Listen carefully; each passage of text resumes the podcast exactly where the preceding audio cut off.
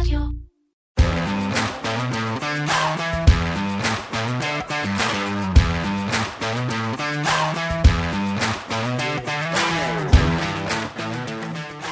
תשמע, אורי, אה, השבוע אני רוצה להתחיל במשהו אה, קצת אופטימי.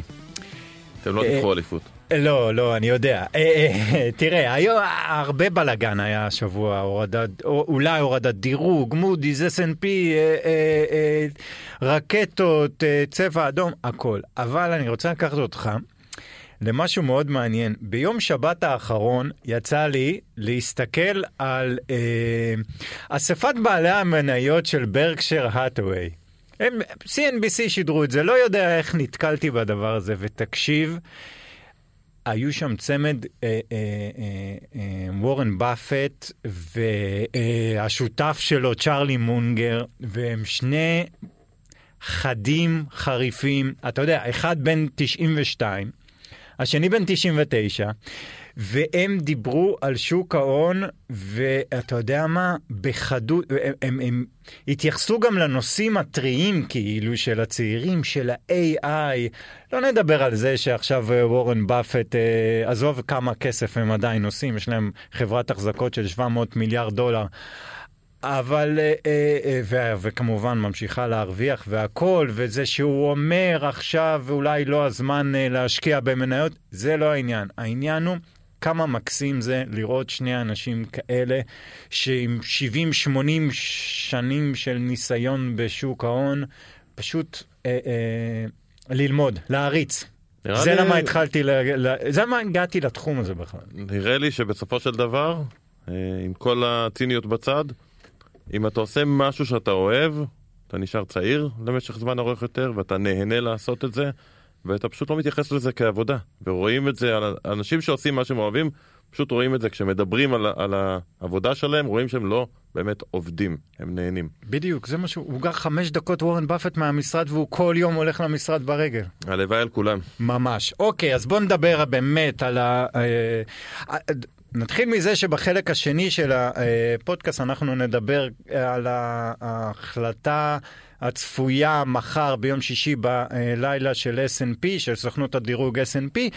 אנחנו נדבר על זה, נעריך, ננסה להבין איך מתקבלות ההחלטות. שם עם מי הם באמת דיברו או ידברו אה, מהממשלה ואם זה בכלל עוזר. אבל לפני זה בואו נתחיל מהדברים הטריים שקרו השבוע ואתה יודע, אה, נתחיל אולי מהמצב הביטחוני. אני יודע שזה לא סבב ראשון שאנחנו מדברים על זה, אבל מה אה, אה, סבבי לחימה עושים או לא עושים לשווקים? בשווקים לסבבים האלו אין באמת השפעה, וככל שעובר הזמן אנחנו רואים גם שלפעמים לפעמים אפילו אין השפעה תוך יומית. זאת אומרת, צריך להבין שבסוף השוק, כשאנחנו מסתכלים, מדברים על השוק ב- באופן כללי, אנחנו מתייחסים בדרך כלל לשוק המניות, אה, אבל הוא מתמחר משהו. זאת אומרת שאני משקיע במניה של חברת אה, מזון, אז אם חברת המזון לא תיפגע בפעילות הכלכלית שלה כתוצאה מהסבב, אז כנראה שהמניה שלה לא צריכה לזוז. בעבר היינו רואים השפעה של סנטימנט הרבה פעמים, שיש סבב, מתחיל סבב, אז השוק קצת יורד, אבל יום יומיים אחרי זה מתקן חזרה. היום אפילו ההשפעה הזאת לא תמיד קיימת, אה, כי בסוף באמת, עם כל הצער שבעניין, מה ההשפעה הכלכלית של סבב כזה על הפעילות של החברות? אה, כנראה אה, אפסית, אה, ולכן השוק לא זז. הפעם האחרונה שהיה לסביבה הביטחונית השפעה כלכלית אמיתית, אה, זה היה בלבנון השנייה, אה, שאז באמת אה, הצפון וגם בדרום, חלק גדול מכלכלת ישראל לא עבד למשך גם תקופה ארוכה, אה, ואז ההשפעה הולכת ומצטברת. אבל בסופו של דבר, אה, בתקופות כאלו של... אה, אה, סבב ירי, אז הכלכלה עדיין ממשיכה לעבוד, אין פה פגיעה בצמיחה, אין פה פגיעה ברווחי החברות, אה, ולכן השווקים לא מגיבים. גם שוק האג"ח לא ממש מגיב, אה, למרות שכביכול זה אומר עוד הוצאות ביטחוניות, למרות שראינו את שוק המטח קצת מגיב. אתמול, אגב, בתחילת היום ראית משהו מאוד מעניין. הדולר עלה, כן. ועלייה בדולר אמורה להיות מתורגמת הרי לעלייה בציפיות האינפלציה, כי כשהדולר עולה המוצרים שאנחנו מייבאים מתייקרים. עלייה בציפיות האינפלציה אמורות להשפיע על תמחור הריבית ומכאן על תמחור שוק האג"ח ובדרך כלל כשהדולר עולה אתה רואה את שוק האג"ח יורד, אתמול ראית את שוק האג"ח אפילו עולה כי סוג של אה, רצון של אולי של המשקיעים אה, ללכת למקומות אה, פחות מסוכנים אבל זה גם כן היה מאוד קצר טווח, אה, לא ממש השפעה שהיא ברורה, אה, שהיא תוצאה של אה, הסבב הזה. אז אני חושב שבסופו של דבר אה, כל עוד אנחנו לא מדברים על תרחיש ביטחוני שמשפיע לאורך זמן על הפעילות הכלכלית בארץ. ז- זאת אומרת יותר ההשבתה של המשק, כאילו שהמשק לא יוכל לפעול, שאנשים לא יוכלו ללכת אנשים- לעבודה. בדיוק, לא יכלו ללכת לעבודה, ועוד פעם, לאורך זמן. אתה יכול להגיד שאנשים אתמול פחות הלכו לקניון, נכון, אבל זה לא משהו שבאמת משפיע בצורה אה, אה, משמעותית על רווחי החברות, למשל, של הקניונים, או של חברות הביגוד. אה, זה לא שאם מישהו אתמול הלך לקניון והוא רוצה לקנות איזושהי חולצה, אז הוא יקנה אותה מחר. בסוף, עוד פעם, אה, זה צריך להיות הרבה יותר חזק, במובן של חלק יותר גדול מאזרחי ישראל מושפעים מזה, כן. וזה צריך להיות לאורך זמן כדי שתהיה לזה השפעה אמיתית, ואז אנחנו אה, נראה את הבורסה מגיבה. אה, כמובן, אני אומר, זה צריך להיות, זה צריך להיות, שלא יהיה, כן? כן, כן. כמובן שלא יהיה, אה, אבל אה, זה די ברור למה, אני חושב, הבורסה הפכה להיות אה, אדישה, נקרא לזה, לסבבים האלו של הירי בדרום. אוקיי, אז בוא נדבר אה, אה, קצת על אה, ארצות הברית, ואתמול פורסמו נתוני האינפלציה. אה, חיכינו להם. איפשהו היה אה, אה, סוג של אה, נקודת איזון כזו, של החמישה אחוז אינפלציה השנתית בארצות הברית, ואתמול אה, סוף סוף אפשר להגיד, אמנם בקצב נורא איטי, אבל ירדנו מתחת לקצב הזה של חמישה אחוז אינפלציה שנתית בארצות הברית. אפשר להיות מרוצים. מאוד, אני חושב. אה, הנתון של אתמול היה הרבה יותר טוב אולי אפילו מהשורה העליונה שלו, כי לא רק שירדנו מחמישה אחוזים, שזה פשוט עניין טכני, אלא גם קודם כל הצפי היה שהאינפלציה תישאר בחמישה אחוזים, כמו בחודש קודם. אז קודם כל המדד הפתיע כלפי מטה. עוד מדד שמפתיע כלפי מטה, שאלה חדשות טובות. הירידה באינפלציה יותר מהירה אפילו ממה שהאנליסטים מעריכים. אבל מעבר לזה, אם אתה מסתכל על המדד שהפד מסתכל עליו היום, כי חלק, חלק מהאינפלציה הכללית, אה, אה, הירידה הזאת קרתה למרות שסעיף האנרגיה עלה. הייתה עלייה במחיר הנפט במהלך אה, אפריל, אז ראית את סעיף האנרגיה עולה. הקצב השנתי אה, של האינפלציה בעצם אה, עלה בסעיף האנרגיה עצמו, וזאת אומרת שאם מנטרלים אותו, האינפלציה ירדה אפילו יותר. ואם אנחנו מסתכלים על המדד שמעניין את הפד, הפד היום, הוא אומר את זה בכל הודעה שלו, מסתכל בעצם על אה, האינפלציה של השירותים, לא מוצרים, אלא רק שירותים שונים, כי זה, זו האינפלציה שהכי מושפעת משוק העבודה, וגם שם הוא מנטרל את סעיף הדיור. כי סעיף הדיור לכולם ברור שנראה שם כבר שינ, שינוי כיוון, זה רק עניין של זמן. אז הפד תמיד אומר בהודעות שלו, הוא מצטט את מדד שירותי הליבה ללא דיור. זה המדד שהכי מעניין את הפד, ושם ראית ירידה מהירה מקצב שנתי של אינפלציה של 5.8 לקצב של 5.1. אפילו ירידה מהירה, ואלו חדשות מאוד מאוד טובות בהסתכלות של הפד. זה נותן לו עוד, אפשר להגיד, אשרור להחלטה האחרונה שלו לעצור את העלאות הריבית. הנה, האינפלציה כולה ממשיכה לרדת, האינפלציה של שירותי הליבה ללא דיור ממשיכה לרדת, אפילו יורדת בקצב מהיר. סעיף הדיור עצמו מתחיל לרדת. ראינו ירידה בס... באינפלציה של סעיף הדיור מקצב של 8.2 ל-8.1. מה, אנחנו מדברים על, על, לא על מכירה וקנייה של דירות. לא, אנחנו מדברים, הסעיף דיור גם, באר, גם בארצות הברית, בדיוק כמו בארץ או באירופה, בכל העולם המערבי, נמדד על ידי חוזי שכירות. לא מסתכלים על מחירי הדירות עצמם, מסתכלים על מחירי השכירות. אגב, מחירי הדירות עצמם בארצות הברית כבר בירידה שבעה חודשים ברציפות. כן. יש שם ממש קריסה אפילו במחירי הדירות. אבל סעיף השכירות לוקח לו זמן להגיב, לכן גם הפד מנטרל אותו, כי הוא רואה מה קורה בשוק הדירות, הוא מבין שזה אוטוטו מתגלגל לשוק השכירות, ובאמת בהיבט הזה אנחנו רואים את ההאטה. זה סעיף שבמדד בארצות הברית הוא 30% מהמדד.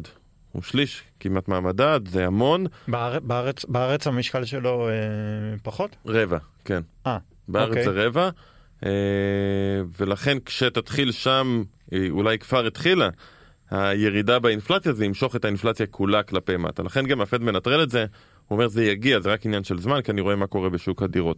אז סך הכל באמת, הדוח של אתמול, הדוח האינפלציה של אתמול, כמעט בכל היבט אה, היה דוח אה, טוב, טוב במובן של אה, נותן לפד את, ה, את החיזוק הזה לכך שההחלטה לסיים את העלאות הריבית היא החלטה שהייתה כנראה טובה, ולכן העניין הוא בעצם אה, מעכשיו והלאה, כל הזמן השוק יתעסק רק בדבר אחד, מתי הריבית תרד. זה, זה בעצם הופך להיות, אה, זה הופכת להיות השאלה הכי חשובה. אה, כשהשוק אה, עדיין מגלם שזה יקרה לפני סוף השנה, אה, בספטמבר, אה, אני חושב שזה יידחה קצת לסוף השנה, אולי אפילו תחילת 24, מהסיבה הפשוטה שהפד רוצה לראות את השינוי בשוק העבודה קורה. אה, את שיעור האבטלה עולה, את הלחץ על השכר פוחת, זה עדיין לא קורה. אני חושב שזה ייקח יותר זמן מבדרך כלל במחזור הזה, בגלל שלצרכן האמריקאי היו כאלה כריות ביטחון מתקופת הקורונה, הרבה כסף אה, שאפשר להוציא גם כשיש האטה כלכלית, גם כשהמצב קצת פחות טוב, אה, ולכן זה ככה הופך את כל התהליך הזה לתהליך יותר איטי, אה, אבל בסוף, אה, אם זה יקרה בספטמבר, אוקטובר או דצמבר, זה לא באמת משנה. הכיוון הבא של הריבית בארצות הברית הוא כלפי מטה. ואיך איך בכל המשוואה הזאת של השיקולים של הריבית נכנס, נכנס שוק העבודה? כי אתה יודע, אה, אה, זה, ביום שישי שעבר אנחנו קיבלנו עוד הפעם נתונים מעולים לשוק העבודה האמריקאי, ואיפה זה מתחבר? אז בעבר, תראה, שוק העבודה ידוע, וזה אה, ברור לכולם, הוא מגיב באיחור. הוא מגיב באיחור, זאת אומרת, תחשוב על עסק שמתחיל להרגיש שהמכירות שלו קצת נפגעות. זה, זה מה שאנחנו קוראים מיתון. יש האטה בפעילות הכלכלית, ירידה בפעילות הכלכלית. אז בואו ניקח עסק, נגיד שהעסק הזה הוא כל הפעילות הכלכלית, והמכירות שלו מתחילות לרדת קצת. פחות אנשים באים, פחות אנשים קונים, או קונים דברים זולים יותר, זה, לזה אנחנו קוראים מיתון. כן. לעסק הזה לוקח זמן עד שהוא אומר, טוב, אין לי ברירה, אני צריך להתחיל לפטר עובדים. בהתחלה הוא אומר, טוב, אולי עוד חודש זה יעבור, אולי זה קורה משהו, חכים חודש-חודשיים. אחרי חודש-חודשיים מנסים לעשות מבצעים כדי למשוך חזרה. לוקח זמן עד שההאטה בפעילות הכלכלית משפיעה על שוק העבודה, והיסטורית אה, זה לוקח, וגם תיאורטית, לפי המחקרים, בעשרות השנים האחרונות, כל המחקרים הגדולים שנעשו בתחום מראים שזה לוקח בין חצי שנה לשלושה רבעונים. עד שהפעילות הכלכלית מתורגמת לעלייה בשיעור האבטלה. ב... בעבר... הפעילות הכלכלית, אתה אומר, מהרגע שהתחילו לעלות ריבית? או... לא, או... ריבית, מהרגע שהתחילו לעלות ריבית עד הרגע שהפעילות הכלכלית נפגעת, גם זה לוקח זמן. Mm. הכוונה שלי, הפעילות הכלכלית זה, אתה כבר החלטת שבגלל העלאת הריבית אתה מצמצם את החגורה. כן. אתה קונה פחות או שולח את הילד לחוג אחד פחות. וזה בעצם עושה את ההאטה. זה מיתון, זה מה כן. שאנחנו קוראים מיתון. אני קונה פחות. עכשיו, החנות שמוכרת לי, היא מתחילה למכור פחות. האם היא מיד מפטרת עובדים? לא. גם זה לוקח זמן. שוק העבודה הוא האחרון שמגיב בעצם במחזור הכלכלי. והפד יודע את זה. זאת אומרת, אנשים בפד הם אנשים חכמים, אה, ובטח את הצד האקדמי הם מכירים, אה, ולכן בעבר... הפד לא היה מחכה לראות עלייה באבטלה כדי להתחיל למשל להוריד ריבית. בעבר אם הוא היה רואה שיש מיתון, ואגב אנחנו ממש, הנתונים מראים שאנחנו נכנסים למיתון בחודשים אלו, רבעון 2, רבעון 3, זה יהיה המיתון בארצות הברית.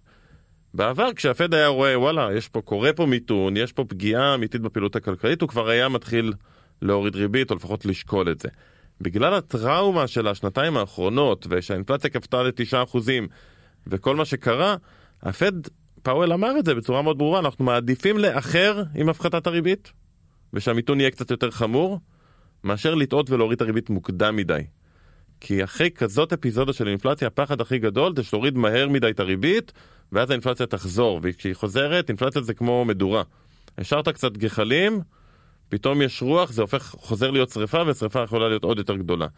והם לכן אני חושב שהם יאחרו הפעם, הם יחכו לראות שבאמת שוק העבודה נעצר, שבאמת האבטלה עולה, בעיקר הלחץ להעלאות שכר כל הזמן כן. אה, נפסק, ורק אז הם יתחילו להוריד ריבית, ולכן אני חושב שזה יקרה יותר מאוחר אולי ממה שהשוק כרגע מגלם. אוקיי. אנחנו עכשיו עם אה, ערן ניימר, מנהל הכספים הראשי בחברת מימון הנדל"ן רובי קפיטל, לשעבר מנכ"ל חברת דירוג האשראי מדרוג. שלום ערן, תודה שהצטרפת אלינו. שלום שי.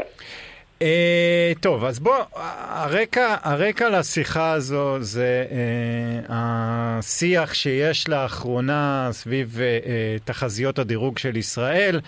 אה, אנחנו גם הזכרנו את זה קודם, שהתחזית של S&P אמורה להתפרסם על הכלכלה הישראלית ביום שישי בסמוך לחצות, מין שעה מוזרה כזאת, אבל בכל מקרה, אה, אתה יודע מה, לפני שניכנס לפרטים האלה, אה, תקן אותי אם אני טועה, אבל, אבל הפעם יש אה, אה, באז ממש רציני סביב אה, אה, חברות דירוג האשראי של אה, ישראל.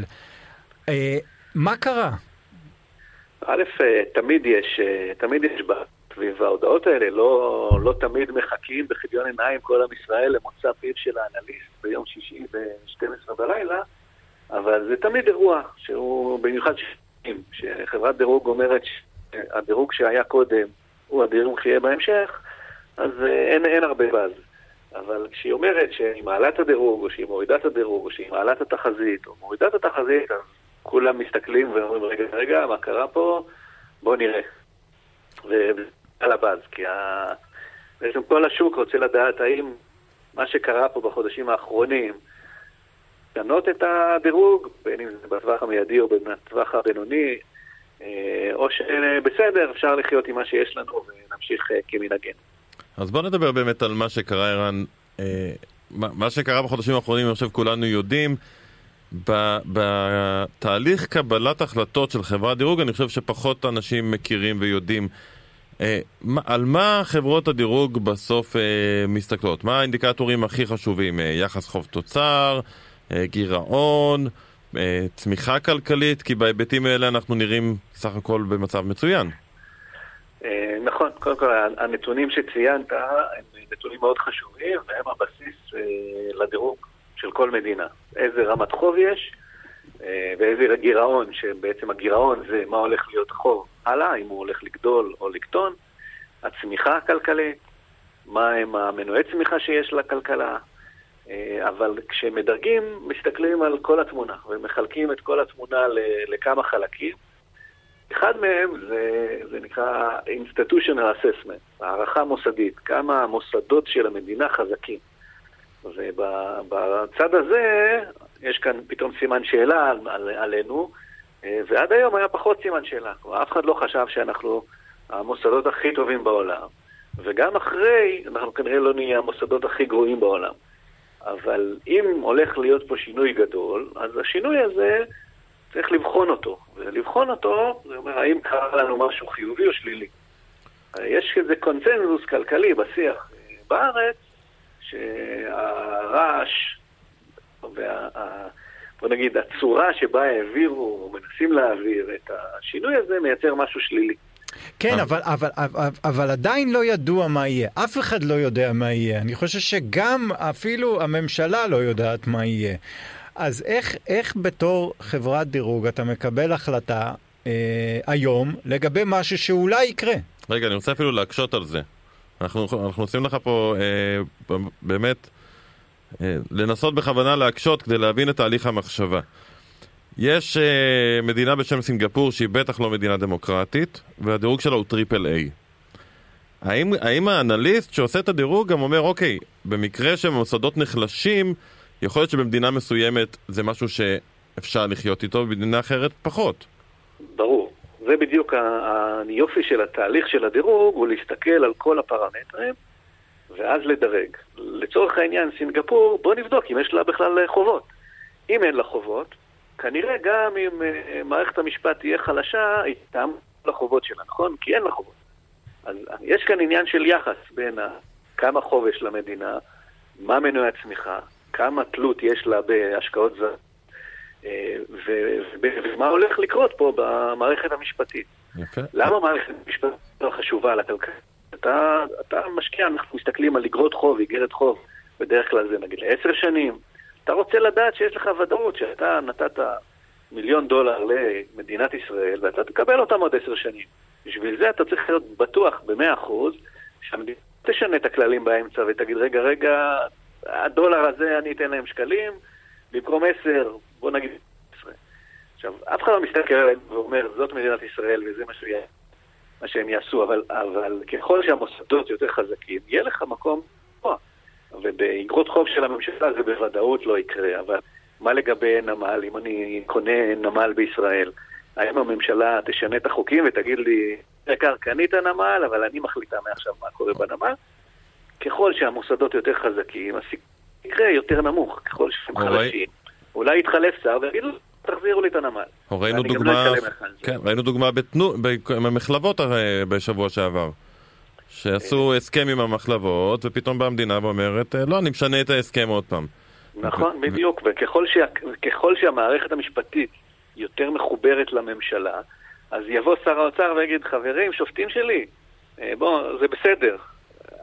עכשיו, אם אתה משקיע זר, אתה חושב שזה באמת יכול לקרות במדינה, נכון? כי במקסיקו זה יכול לקרות יותר מאשר ב- בישראל, נכון? זאת אומרת, צריך לדרג את זה ולהגיד בתוך האינפוט שמכניס האנליסט, איפה מדינת ישראל? היא בארצות הברית, ששם המשטרה, שהחוקים זה חוקים, או במקסיקו, ששם ברור שהקשרים הם קשרים.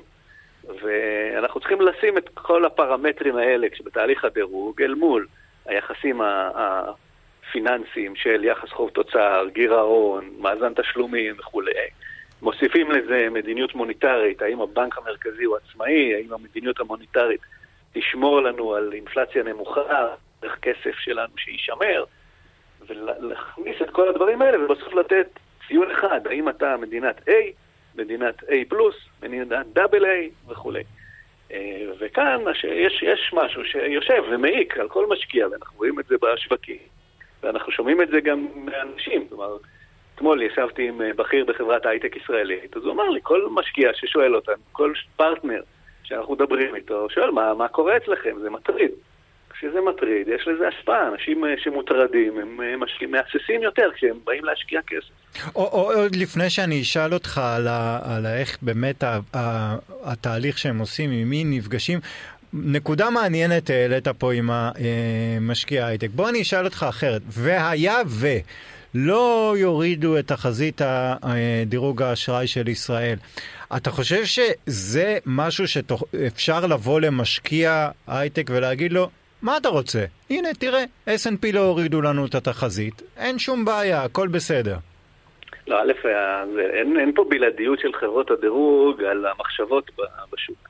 ככל שהשוק משדר חוסר שקט, והחוסר שקט הזה זה בא בהפגנות וזה בא בפוליטיקה, אנחנו רואים את החוסר שקט, אנחנו חיים אותו, אנחנו לא צריכים חברת דירוג שתגיד לנו, חברים, יש יש פה חוסר שקט, משהו מפריע. זה גם משפיע עלינו. אנשים פחות קונים דירות, למה? כי יש להם הרבה אי-ודאויות. כל דבר שמייצר אי-ודאות, מייצר אה, פחות חוזק לכלכלה. התפקיד של ממשלה זה לייצר ודאות, לייצר שקט, להיות האבא שמשתיק את הרעש ואומר הכל יהיה בסדר, אל תדאגו, לשם אנחנו הולכים. הגירעון הולך להיות ככה, התקציב הולך להיות ככה, אנחנו, אנחנו מתחילים לבנות כבישים ולבנות אה, נמלים. זה התפקיד של ממשלה כדי לייצר כלכלה שקטה. כשהממשלה מייצרת אה, רעש ובלאגן, אז כל השוק מרגיש את זה.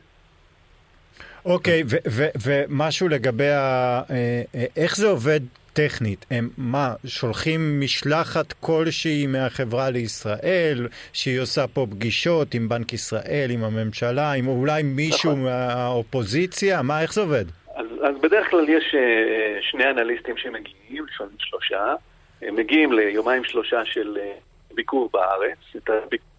מי שמארגן זה משרד האוצר, הם שולחים בקשה עם אנשים שהם רוצים אה, להיפגש איתם. כשהייתי סגן החשב הכללי למימון, אז ארגנתי פגישות כאלה, הם תמיד היו שמחים, יש מישהו מהאופוזיציה, אה, כלכלן ראשי של בנק, ומישהו לפעמים מהאקדמיה, לפעמים עיתונאים אה, בכירים, לראות 360 של כלכלה, את כל הגישות של כולם. אה, כל פעם בדגש אחר, לפעמים האוצר היינו מציעים להם אנשים, הם היו באים עם אה, שמות בהם, והם מנסים להבין ולשמוע ולהכיר כמה שיותר מקורות מידע. וגם בשוטף הם מדברים עם הרבה מאוד אנשים, קוראים את דוחות בנק ישראל לעומק, קוראים את הדוחות של הבנקים ושל הבנקים הזרים שעושים על ישראל. עוקבים אחרי הכלכלה באופן הדוק, לא רק ביומיים שלושה ביקור, באים מאוד uh, מבושלים עם שאלות טובות על מה, מה אתם עושים פה ואיזה מדיניות שם ולמה אתם לא משקיעים מספיק ברכבות או וכולי. כשיש, כמשרד אוצר נותנים להם, וכשאין, uh, אז זה מה יש. מקבלים את כל התחזיות של מה, מה קורה בכלכלה ובתחזיות. לא תמיד מרוצים מהתשובות, כי אומרים, אוקיי, אז, אז חזיתם גם שנה שעברה לצורך העניין שהגירעון יהיה שלושה אחוז והוא היה ארבעה או היה אחד. מה זה מבטיח לנו שנה הבאה? איזה כלים אתם אה, אה, משתמשים כדי לעמוד בתחזיות שלכם? אה, והולכים לגבש דעה. את הדעה הזאת היא, מחולקת לכל מיני פרמטרים, כמו שדיברנו, על העצמאות, המדיניות המוניטרית והאפקטיביות שלה, כמה כלים יש לבנק ישראל לפעול ב... בשביל להבטיח אינפלציה נמוכה, את האפקטיביות של הממשלה לשמור על גירעון נמוך ולעמוד ביעדים שלה, את המנועים של הכלכלה, לאן הם הולכים.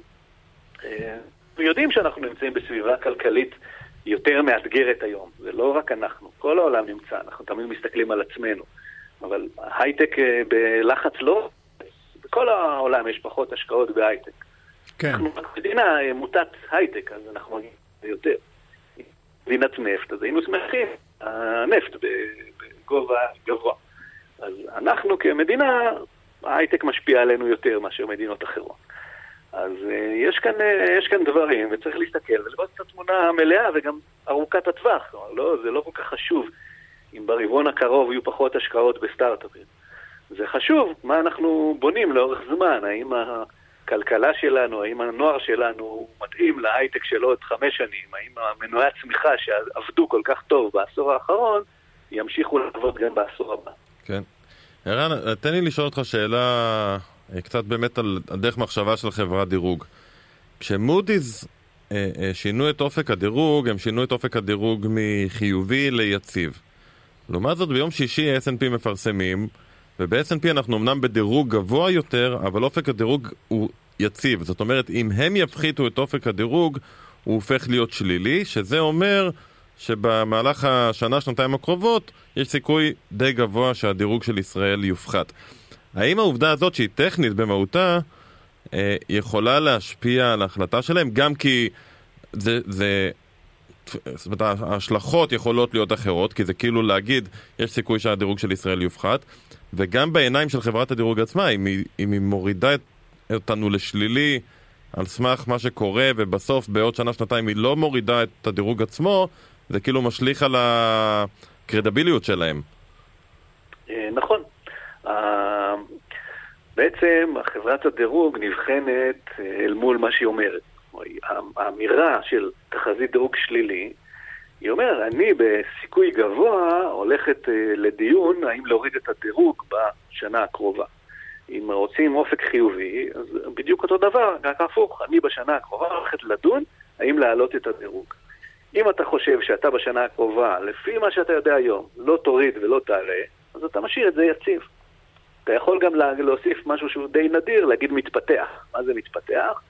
קורים פה כאלה דברים שאני לא בטוח מה אני הולך להוריד או להעלות, אבל בינתיים הדירוג נשאר.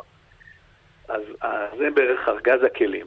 הם יכולים להוריד גם מחר, אבל עם הפרמטרים הכלכליים החזקים של מדינת ישראל, אני לא חושב שיש סיבה אמיתית להוריד את הדירוג אה, מחר. והשאלה נשאלת, האם הם יעשו יציב או יעשו שלילי. אה, ואני חושב שהם, בוא נגיד, עברו כמה חודשים בשיח הישראלי, ואנחנו רואים שהתהליך, מקווים שהתהליך מתכנן שהוא, שהוא כן ייתן לנו איזה משהו יציב. אם זה מה שהם מאמינים, אז הם כנראה ישאירו את זה יציב. אתה אומר מזל שההחלטה הזאת לא התקבלה לפני חודש וחצי. מזל שהיו חגים, מה שנקרא. כן. אה, כן, ההחלטות האלה מתקבלות אחת לחצי שנה בדרך כלל, לא, לא יותר, לא יותר תדיר. אבל אפשר גם לכנס ועדה ולהחליט כל שבוע, זה לא, זה לא משהו שחייבים להחליט דווקא במועד הזה. מצד שני, תשאל את עצמך איך זה נראה מלונדון, שאנחנו אתמול 300 טילים נורו על, נורו על ישראל. אז גם משהו לא יציב בהגדרה שלו, אבל כבר כולנו וכולם... את זה כבר מכירים. כן. כן, את זה כבר מכירים ו... כן. אה, ורואים שבכל זאת אנחנו עושים לעבודה. למרות שיש אזעקות. יש, יש משהו ב, בהבדלים ב, בין החברות עצמם, בין מודי'ס ל-S&P, אפילו לפיץ', יש, יש חברה שנחשבת יותר אה, אה, קיצונית ויותר שמרנית, זה עובד ככה? אה, אני, אני לא חושב שיש אה, מישהו שנחשב יותר קיצוני, יותר שמרן, אה, לאורך ה... 30 שנה שישראל מדורגת על ידי S&P ומודי'ס, רוב השנים מודי'ס הייתה בדירוג היותר גבוה דווקא, או, או שווה או יותר גבוה, ובשנים האחרונות S&P אה, אה, העלתה את הדירוג מוקדם יותר מאשר אה, מודי'ס, אבל אני לא חושב שזה משהו גורף שאפשר להסתכל על כל מפת הדירוגים העולמית ולהגיד הם תמיד יותר והם תמיד פחות, אלא כל, כל קרדיט וה-view שלו. בסוף זה, אתה יודע, חבורה של אנשים שיושבים ומסתכלים על, מקבלים החלטה. כמו שיש כאלה שחושבים שהיום זה היום הנכון למכור דולרים, ויש כאלה שחושבים שזה היום הנכון לקנות דולרים. אז תמיד כשאתה שם חבורה של אנשים יכולה לצאת תוצאה שונה.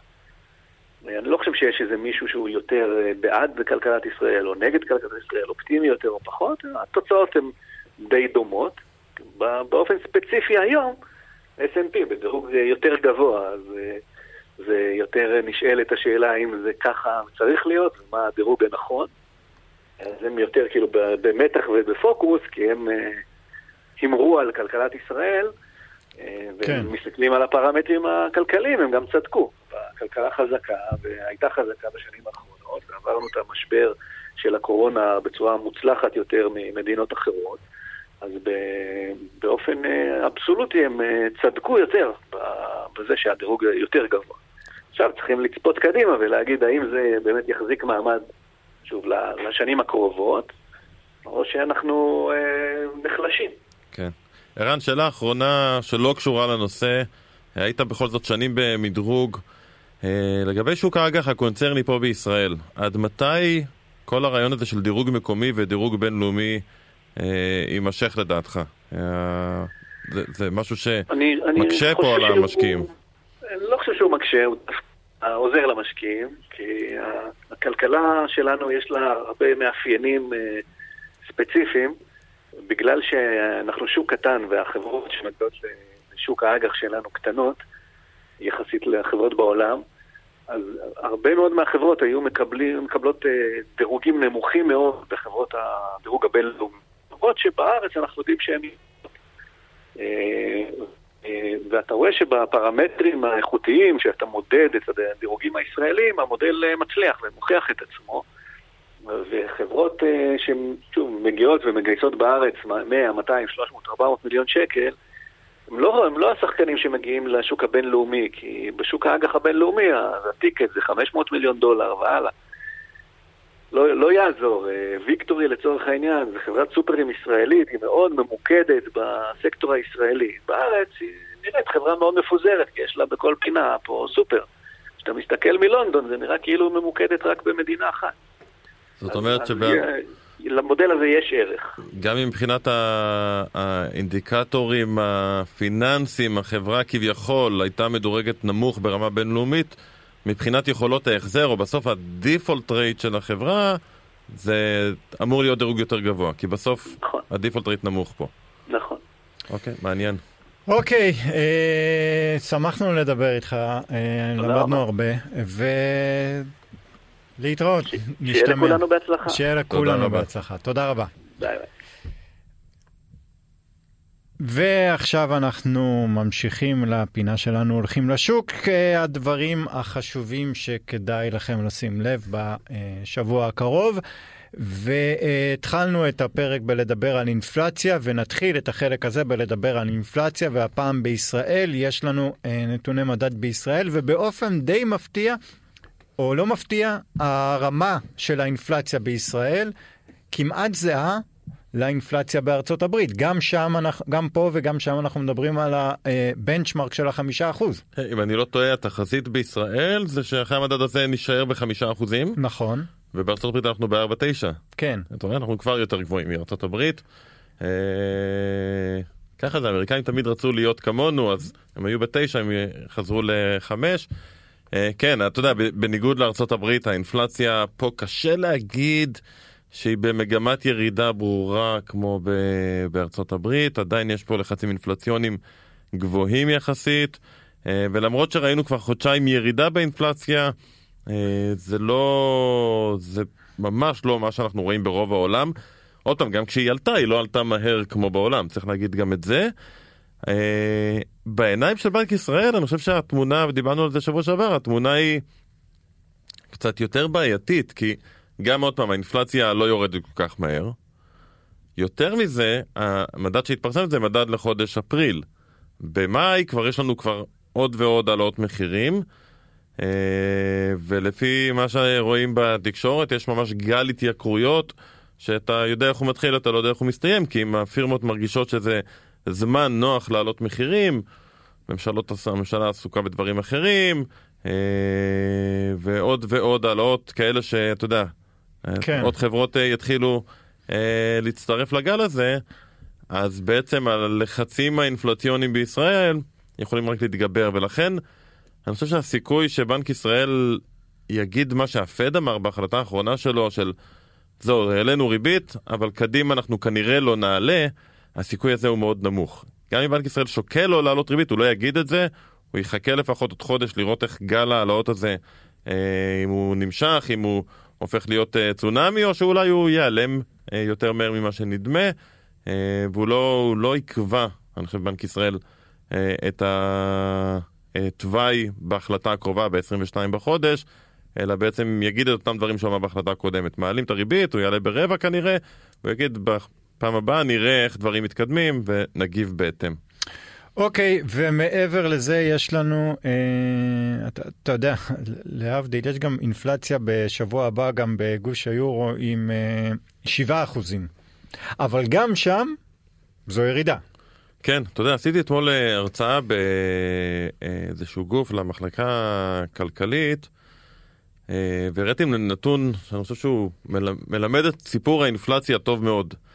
מחיר הגז הטבעי בגרמניה גבוה היום ב-150% ממה שהוא היה לפני הקורונה, ב-2019. זאת אומרת, 150% אנשים משלמים על החשמל, על החימום, הרבה יותר ממה שהם היו רגילים. אוקיי. אבל הוא היה ב-600 אחוז יותר גבוה. זאת אומרת, אם אתה מסתכל על האינפלציה, על השינוי במחירים בשנה האחרונה, יש ירידת מחירים מאוד חדה. כן. וזה בסוף הסיפור של האינפלציה באירופה. אה, מאוד דומה לארצות הברית. עיקר הסיפור זה סיפור של צד ההיצע, עיקר הסיפור באירופה בבירור זה הסיפור של האנרגיה. ברגע שהזמן עובר, בוא נזכור, מתי מחירי האנרגיה עלו בחדות? אה, גם ב-2021, אבל בעיקר אחרי הפלישה של רוסיה לאוקראינה, וזה המדדים של פברואר, מרץ, אפריל, מאי, יוני, שם ראינו זינוקים במחירי האנרגיה באירופה. כל חודש שעובר עכשיו, הנתונים האלה יוצאים מהמדידה. אנחנו תמיד מודדים את האינפלציה, אפריל 2023 לעומת אפריל 2022. חודש אחרי זה זה יהיה מאי 23 לעומת מאי 22, ולכן סעיף האנרגיה הופך להיות סעיף דפלציוני ואפילו מאוד דפלציוני, כי בהשוואה המחיר בכלל ירד בעשרות אחוזים. תנטרל את זה, מה שנקרא אינפלציית הליבה, דיברנו על זה כשדיברנו על הפד, האינפלציה של השירותים, מה שמגיע משוק העבודה, התמונה היא מאוד דומה. שוק העבודה באירופה חם מאוד, אבטלה נמוכה מאוד, שכר עולה בקצב מהיר, ואת זה גם הבנק המרכזי האירופי ירצה לה- להרוס, ולכן הוא ימשיך להעלות הריבית, אה, כדי בעצם לעצור את האינפלציה שמגיעה מצד הביקוש, לא משנה מה הרמה הכללית של האינפלציה כולה. אגב, אה, אה, שמתי לב שיש נתון שיתפרסם מחר ביום שישי בבוקר באנגליה, וזה נתוני הצמיחה, וזה ממש סביב אפס. יכול מאוד להיות שאנחנו אה, נראה אה, את המדינה המרכזית הראשונה שכבר תציג לנו אה, פשוט צמיחה שלילית. כניסה ברבעון. למיתון כניסה, אמיתי. כן. מ- אה, כן, בהסתכלות היום... והבריטים כמו הבריטים אה, מובילים. כן, בהסתכלות הגלובלית היום באמת בריטניה, עוד פעם, מה- מהגושים הגדולים, בריטניה במצב הכי פחות טוב. אתה יודע, זה לא הפריע לנו לחגיגות של המלאכה של המלך. וזה גם לא הפריע לאירוויזיון. וזה גם לא הפריע לאירוויזיון, אבל מצבם, כן, הם, הם מה שנקרא...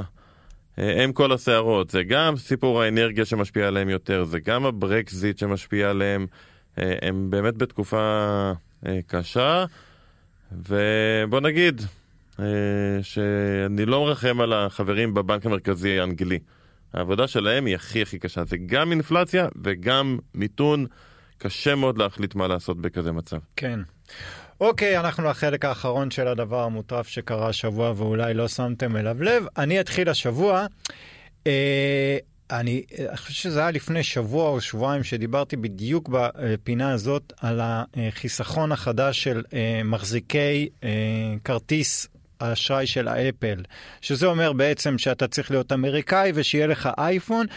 ואתה מקבל תשואה אה, אה, מאפל על החיסכון שלך. אז מה היה? הם עשו שיתוף פעולה עם גולדמן סאקס, רק בקצרה, והריבית שהם הבטיחו זה 4.15 אחוזים. בעוד שחיסכון מקביל לגולדמן סאקס, שנקרא מרקוס, שילם פחות, 3.9 אחוזים אם אני לא טועה. מה קרה? עברו שבועיים, וגולדמן סאקס העלה את התשואה שהוא נותן לחיסכון, ל savings account בארצות הברית, ל-4.15 אחוזים, בדיוק שווה לתשואה של אפל. ו... זה שוב, זה נושא מרתק לטעמי, שפשוט משנה את כל, ה, אה, כל השיקולים שיש לאנשים היום. אה, כל הדיבור היום הוא על חיסכון וכמה תשואות אתה מקבל על החיסכון. תראה איך אה, חברה כמו אפל משנה, מובילה שוק בעצם. כן. תראה, קודם כל זה שיש תחרות תמיד זה לטובת הצרכן הרי. פה, אתה יודע, יש, יש הרבה דיבור על זה גם בהיבט הרגולטורי, יש פה סימני שאלה מאוד גדולים. אני אה, תמיד בעד שינוי טכנולוגי ובטח שינוי שמשבש, אבל בסוף על בנקים יש רגולציה לא סתם. האם מישהו הולך לבטח, לבטח, ה-FDIC יבטח את הפקדונות בפייסבוק? אה, אלה שאלות גדולות, כי... כן. מול הכסף הזה, הרי הם לא סתם נותנים לך 4%, הם ייקחו את הפקדונות והם יעשו איתם השקעות, יעשו איתם השקעות. אם ההשקעות האלה לא יצליחו, אני רוצה להיות בטוח שהפיקדון שלי אכן מובטח, כמו בבנקים. יש פה המון סימני שאלה. חברה כמו אפל יכולה להרשות לעצמה לא, ל... לא לדאוג לכסף של ה... ובנק, הוא גם, זה, זה הייעוד שלו, לדאוג לכסף שלך, ולפעמים נכשלים, אתה יודע, כולם, כן. כולם לפעמים נכשלים. אה, בשביל זה יש רגולציה על הבנקים שהיא הרבה יותר מחמירה מעל ענף הטכנולוגיה. כן. זו, זו בדיוק הסיבה, כי בסוף אה, רוצים לשמור על הכסף של, המפ... של המפקידים. אה, וזה מעניין, זה מעניין לאן הדבר הזה ילך. אה, כי הרבה שנים מדברים על זה בתחום הפיננסי, אגב, בלא מעט תחומים, אבל גם בתחום הפיננסי. אני זוכר שהיינו עושים הצגות של מראים את העולם שאנחנו חיים בו ומי המתחרים שלנו. אז תמיד התייחסנו לזה שבטווח הארוך יותר המתחרים הם לא יהיו בנקים, הם לא יהיו בתי השקעות והם לא יהיו חברות ביטוח. כן. המתחרים יהיו הגוגלים והאפלים כן. שלו והאמזונים אה, שבעצם יפרסו את העמותות שלהם גם לעולם הפיננסי.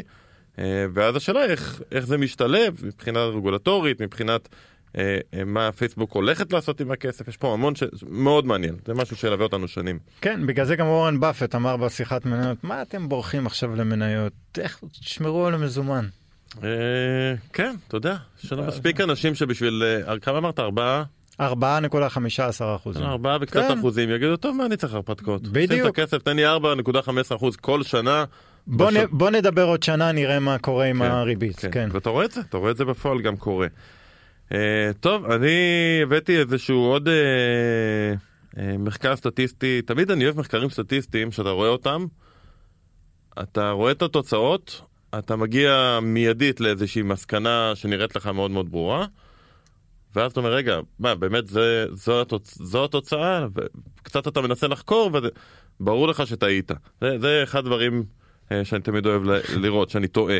אה, יצא, יצאו נתונים על מספר אה, הולכי רגל שנדרסים אה, פר 100 איש, כמה, פר 100 אלף איש, כמה הולכי רגל נדרסו בכל מדינה בארצות הברית.